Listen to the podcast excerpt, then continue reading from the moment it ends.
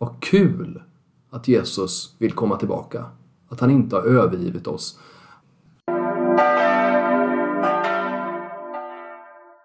Jag hade, jag tror det var förra veckan, så Mm. drömde jag om Mhm. att jag planerade och genomförde frieriet. Ja, Så, så ska jag inte, så ska jag inte ta ut dig i förskott. Men då vet vi ju att Jesus kommer komma. Mm. Men frågan är just när.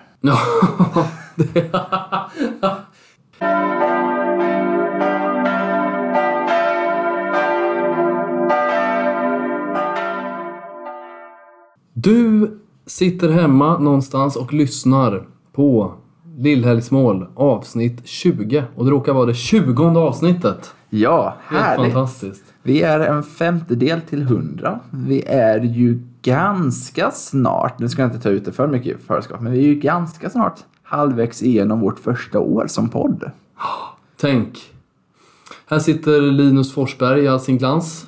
Tillsammans Oj. med mig, Jim Lagerlöf. Vi sitter hemma i ditt kök. Ja, precis. Som vi brukar. Nu sista gången har vi gjort det. Jo, precis. Det har börjat bli vår nya studio. Ja. Det är ganska bra ljudbild här inne tycker jag. Ja, nej, men tycker jag. Vi sitter ju i, i köket. Som, man kommer ju in direkt i köket när man kommer in i en lägenhet. Så det, är ju, Ett välkomnande kök. ja, men det, det känns väldigt härligt. Något annat som känns härligt, så som du brukar säga, det är ju att november har liksom kommit igång lite grann. Mm. Rullat igång. Eh, Jag eh, fick i förra veckan, i lördags då, 6 november, vara med på en upptagning i katolska kyrkan när två personer som är goda vänner till mig blev katoliker. Mm. Eh, Så det var väldigt kul. Uppfriskande tycker jag. Det är precis som att vara med på bröllop tycker jag. Du vet, man blir påmind om sitt eget bröllop. Mm.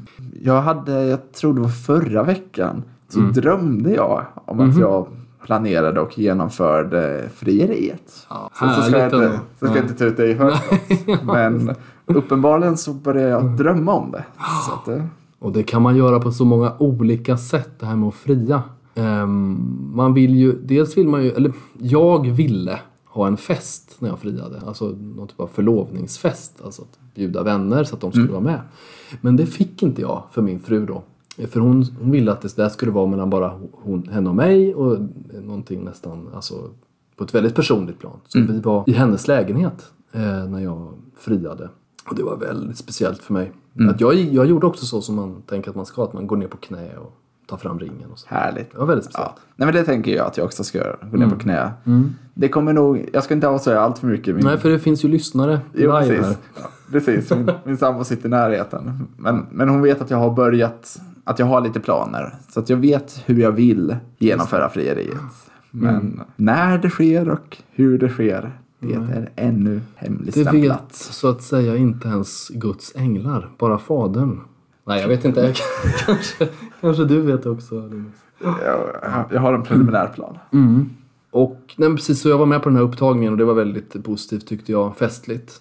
Ehm, sen funderar jag på ibland, Om du snabbt skulle berätta hur en sån upptagning går till utan Ja. att vi tar upp för mycket. Ja, nej, men det gör jag gärna. Men lite för Alltså, mig som är obevandrad Mm, mm, nej, men det, är, det är en vanlig mässa. Men efter predikan, på den plats där man har trosbekännelsen normalt sett då, då går den person som ska bli upptagen i kyrkan fram och så ber man en bön över personen. Sen får personen försäkra att eh, hon eller han då tror att det som katolska kyrkan tror att det är från Gud. Att, så att säga, jag håller med om att kyrkan har tagit emot uppenbarelsen av Gud. Ungefär så. Man, det finns en speciell formulering. Och sedan så eh, Oftast blir man konfirmerad samtidigt också. För katolska kyrkan erkänner ju inte någon annan konfirmation än den som är utförd på uppdraget av en katolsk biskop.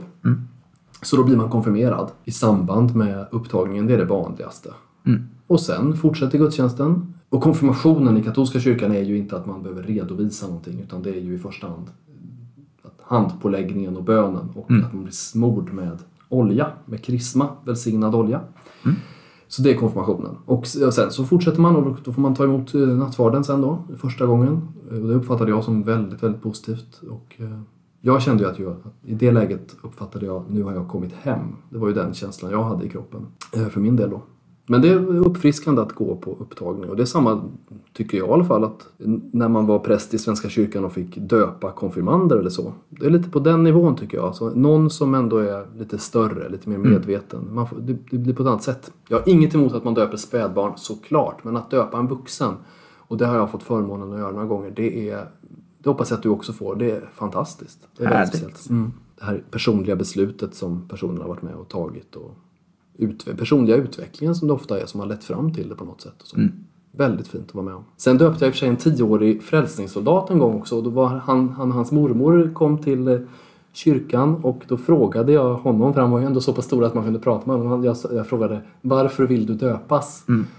Och då tittade han på sin mormor och sen sa han så här, jag vill följa Jesus. Och det är klart att då vill man ju döpa honom. Ja, men precis. Det var fint. Sånt kommer du också vara med om tror jag i, i framtiden. Det blir ju färre som döps som spädbarn eh, därför att det är färre som är troende och så. Då kommer det tror jag vara så att vuxendopen blir lite fler. Mm. Nej, men det tror jag också. Ja, vi har läst varsitt evangelium inför den här eh, podden, den här inspelningen. Precis. Och de, båda de här har, de har det gemensamt att de ska läsas upp i gudstjänst på, på söndag och predikas över, men i olika kyrkor då. Du har läst Missionskyrkan, nej jag bara skojar. Du har läst Svenska kyrkans och jag tog eh, faktiskt katolska kyrkans idag då. Så vad står det, vilket evangelium blir det på söndag hos er? Eh, Vi kommer läsa från Matteus evangeliet 25 och det är verserna 1 till 13. För, då, för oss är det ju då eh, det är söndagen före domsöndagen och vi har under rubriken vaksamhet och väntan. Och den här texten handlar ju om de tio brudtärnorna med facklorna. Och där fem stycken då också tar med sig olja och annat som ska göra att facklorna kan hållas vid liv längre. Medan de andra fem tar bara med sig sina facklor. Och det här är ju en text som jag har fått höra många berättelser om. Framförallt så här, ja, men många har blivit ganska skrämda av det. Liksom. Framförallt, jag fick både läsa om det här och jag fick också höra det i min Nya Testamentet-kurs från min lärare som har, har pingstbakgrund. Ja. Att framförallt många pingstbarn har varit väldigt oroliga. Ja, men de har kanske varit i skolan, kommer hem och så är det ingen hemma. Och då blir känslan hos dem att oj, nu har Jesus varit här och tagit med sig Åh. mina nära och kära, men jag blev kvar. finns något som på engelska heter the rapture. Att det där är, det en händelse, alltså uppryckningen på svenska. Eller, det, är, precis. det är något som bara ska hända plötsligt och då antingen följer man med eller så gjorde man inte det. Då. Jo, precis. Antingen att man missar det eller att det händer i olika etapper. Den rädslan har inte jag behövt ha. Jag har inte haft, haft den uppväxten. Nej. Men jag tänker att det väcker ju ändå frågan så här. För att vi vet ju, om vi tror på Bibeln, och det gör ju vi här, så att säga. Då vet vi ju att Jesus kommer komma. Men frågan är just när.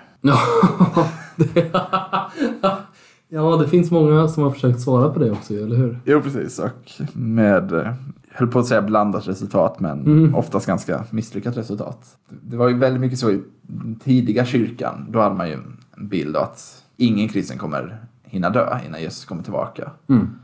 Och det var, blev ju ett problem sen att hantera. Det är ju det som Thessalonikerbreven tar upp. Bland annat att församlingen undrar, men skulle inte vi, Nej. var inte vi räddade från döden? Nu, Just det. nu börjar folk dö. Vad är det som händer här? Och sedan så är det ju i, jag tror det är andra Timoteusbrevet som man ser att även Paulus börjar släppa tanken att, för Paulus är från början väldigt säker på att jag kommer, jag kommer leva kvar. Men där börjar han också uttrycka att nej men det, vi kanske inte är helt i den liksom, absolut sista, sista tiden. Utan även jag och vi här kommer kanske hinna dö. Vi vet inte riktigt när Jesus kommer tillbaka. Nej. Och sen som du var inne på, många har ju genom kyrkohistorien försökt hitta ett exakt datum. Man har räknat, det vill jag sagt att Ja. 18 november år 168, då händer det. Och sen så händer det inte. Men det vi lär oss, och det är det jag tänker att vi ska diskutera lite, det är att vi måste vara beredda på att i och med att vi inte vet när Jesus kommer tillbaka så kan det hända att vi dör. Vi pratade ju en del om döden förra veckan. Just det. Men det Döden. kan också hända imorgon. Och Ja, någonstans däremellan. precis. Och Martin efter. Luther var ju inne på det här med att eh, även om Jesus kommer imorgon så ska jag göra det bästa jag kan av livet idag. Precis. Och grejen är väl det att om man skulle veta, du vet det är ungefär som den här diskussionen som jag har pratat med konfirmander om.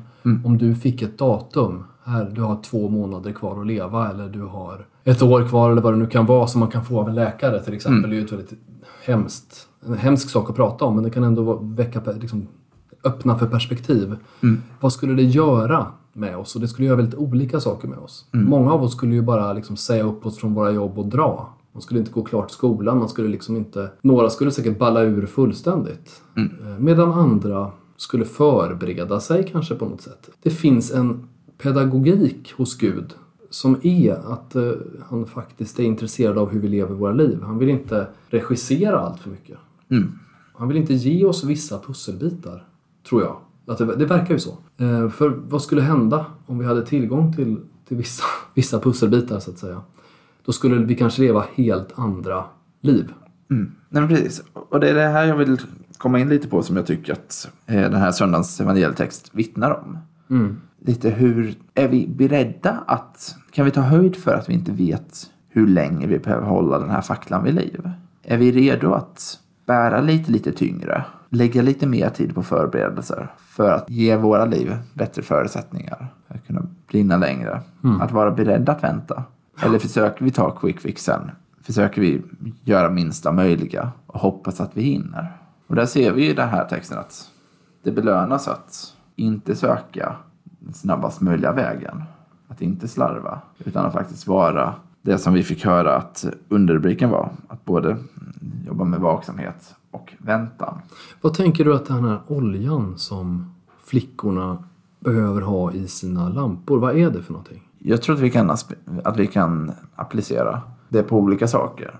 Men jag skulle säga att en sak oljan kan stå för är nattvarden. Och då skulle det betyda här att eh, sluta inte gå till mässan helt enkelt. Det skulle ju, det ligger i linje med hur jag kan tänka. Jag, jag, tror också oljan, ja olja är ju liksom i många andra sammanhang det här läkemedlet. Det kan absolut vara sakramenten det handlar om. Det kan också vara den helige ande.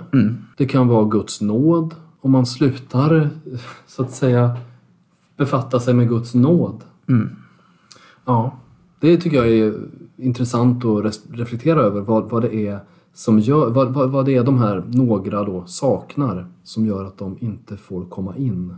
Eh, Men i, i första hand så är det ju retorik från Jesus. Han vill ju, jag tänker ofta att när han vill säga så här hårda saker då vill han väcka oss till liv lite grann. Det är ju en poäng att man ska reagera och man ska tänka hmm, hur är det med mig? Jesus vill att alla människor kommer till himlen, punkt slut, så är det ju verkligen. Men, men det bygger lite grann på vårt eget engagemang också, hur vi tar emot det här. Och eh, då behöver han väcka, väcka oss ibland, då och då. Nej men verkligen. Hur ska man leva det här, tänker du? Nej, Men jag skulle säga att någonstans fundera på var, där jag är i livet nu.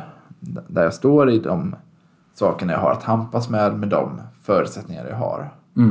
Vad är den bästa oljan jag kan hitta till min eld? Och det beror ju på vad man tänker att oljan är då. Så om det är olja Jesus menar, alltså du behöver ha så säga, lampolja, det är det som gör att du kommer in i himlen eller inte. Då finns det ju till exempel att köpa det på en, eh, kanske på Shell eller Statoil, eller det heter ju inte Statoil längre, det heter ju Circle K. Ja, precis. OKQ8. Ja, det finns många. Ja, precis. Ja. Jag var tvungen att välja, nämna OKQ8 för min morbror jobbar där. Ja, så han jobbar där? Ja, annars hade han blivit sur. ja. Ni nämnde bara konkurrenterna. Ja, jag vis- visste ju inte att din morbror jobbade där. Nej. Nej, men precis. Men det är ju troligtvis inte den oljan, utan fundera på. Är oljan nattvarden? Är oljan bönen? Vi kommer ju ofta tillbaka till bön i den här podden. Av eh, anledning. Ja, av goda skäl. Ja men precis, det är bra uppmaning till reflektioner alltså från Linus Forsberg till dig som lyssnar. Vad är den här oljan för någonting och har du tillräckligt? Om du inte har tillräckligt, hur kan du skaffa mer? Och du får jättegärna dela vad din olja är. Vi, vi har ju både Facebook och Instagram, Lillhällsmål. Där lägger vi ju i princip dagligen upp en reflektion, en text. Lördagarna präglas av Maria-bilder. Påminnelse om podden. Lite teaser vad vi pratar om. Det, det varierar. Och kommentarsfälten blir allt hetare och hetare. Du är en eh, optimist du Linus. Fint! Eh, ja, jag kan väl inte annat än att säga att nu är det dags att prata lite grann om eh, katolska kyrkans evangelium på söndag. Ja, Nu börjar det märkas att kyrkoåret eh, ja, men, går mot sitt slut. Mm.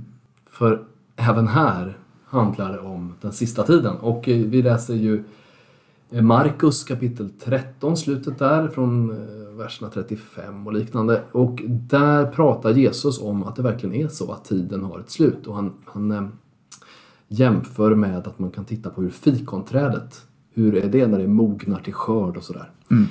Och det är ju så här att den, det här med att man lever i den sista tiden, det har vi redan nämnt lite grann. Det är, det är populärt i vissa kretsar att påminna om att, eller att säga att det är nu som är den sista tiden. Och då kan man undra, finns det någon tid som inte har varit den sista tiden enligt både den ena och den andra? Det finns ju alltid någon som säger ja, vi måste läsa tidens tecken. Det här är nog sista tiden. Och jag kan säga till alla er där ute, ni har rätt allihopa. Den sista tiden, den började när Jesus uppstod. Då kan man säga att då började nådens tid. Och det är en speciell tid och det står väl i något av breven, nu minns jag inte om det är Jakob eller Paulus som skriver att Herren dröjer ska vi betrakta som en räddning. Alltså Just det är någonting, det kanske till och med är Petrus. Jag minns inte vart det står, vad pinsamt. Men det står allt väl, eller likväl i den heliga skrift någonstans att Herren dröjer ska vi betrakta som en räddning. Alltså det är någonting gott med att Jesus väntar. Och det här har han betonat själv vid några tillfällen att liksom väntan som någonting bra. Alltså håll inte på att fundera på när jag kommer. Han säger ju det. Även om vissa vill göra det. Han säger det själv. Fundera inte på det här. Det vet inte ens jag. Det vet inte änglarna. Det vet bara Fadern. Alltså det är det han säger. Sen finns det ändå de som, ja men jag tänkte räkna ut det ändå. Ja, men gör inte det nu. Utan sitt ner i båten va? och fokusera på annat. Det finns ett slut, det gör det. Det vet vi också. Jesus ska återvända och han ska döma världen. Och enligt honom själv ska man ju dömas utifrån vad man själv, hur man dömer sig själv på något sätt. Så att man kommer vara delaktig i domen på något plan. Även om han är, kommer vara domare och sitta på domartronen då. Men det jag funderar på, det är hur man ska tänka om framtiden. Är framtiden ljus eller mörk? Det finns något som heter domedagsprofet. Och det är, ju, det är ju en person som säger att allting är väldigt dåligt. Vi lever i en mörk och hemsk tid och det ska komma ett straff. Domedagen, då tänker man på ett straff. Någon de, de, de som har varit elaka och dumma och inte levt så som de borde, de ska få ett straff. Det var faktiskt en av de absolut första frågorna jag fick när, jag, när det blev känt i, i min omgivning att jag skulle börja studera till präst. Mm. Jaha, kommer du börja predika en massa domedagspredikningar nu? Vad härligt ändå om det hade varit så. Det förekommer ju i princip inte.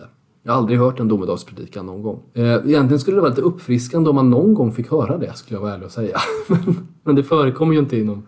Det vet man ju om man, om man går i kyrkan till vardags. Så att det är väldigt, väldigt, väldigt sällsynt att någon pratar om helvetet eller om dom eller om någonting sånt. Jag vet inte om du håller med om det? Ja, nej, men det, det är en spaning jag är beredd att ansluta mig till. Mm. Men och då tänker jag så här, ska kristna vara domedagsprofeter?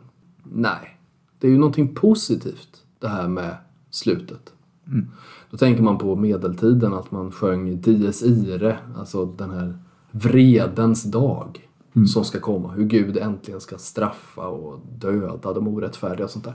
Men det var det är liksom, vad, ja visst man kan skrämma människor till att bli bättre människor kanske. Men det håller inte så länge och det är inte så smart. För det, då är det inte av kärlek som människor blir snälla utan det är av rädsla. Eh, Så det finns andra sätt att jobba på istället. Jag tycker det är viktigt att betona den yttersta dagen och slutet, tidens slut som någonting väldigt festligt och härligt. Vad kul att Jesus vill komma tillbaka. Att han inte har övergivit oss. Att han inte liksom tänker så här, nej nu får ni klara er själv. Utan att han faktiskt är intresserad av att komma tillbaka till oss. Att han fortsätter att bry sig. Så jag tycker så här att du uppmuntrade ju till reflektion i, i det som du tyckte man skulle göra den här veckan. Jag, jag vill också göra det. Alltså hur, hur tänker du om den sista tiden? Är du en person som tänker att den, sista yttersta domen blir någonting negativt eller någonting positivt? Och vad spelar det för roll för dig just idag? Om det är någonting negativt, om du tänker på domen som någonting väldigt negativt och något som man kanske behöver till och med vara lite orolig för. Ja, vad betyder det i ditt liv idag i så fall? Eller om du tänker om domen att den är någonting glatt och festligt och positivt. Att det liksom blir en frikännande dom för många. Vad gör det med din dag idag? Hur färgar det din dag? Det är en uppmuntran från mig till reflektion kring yttersta tiden.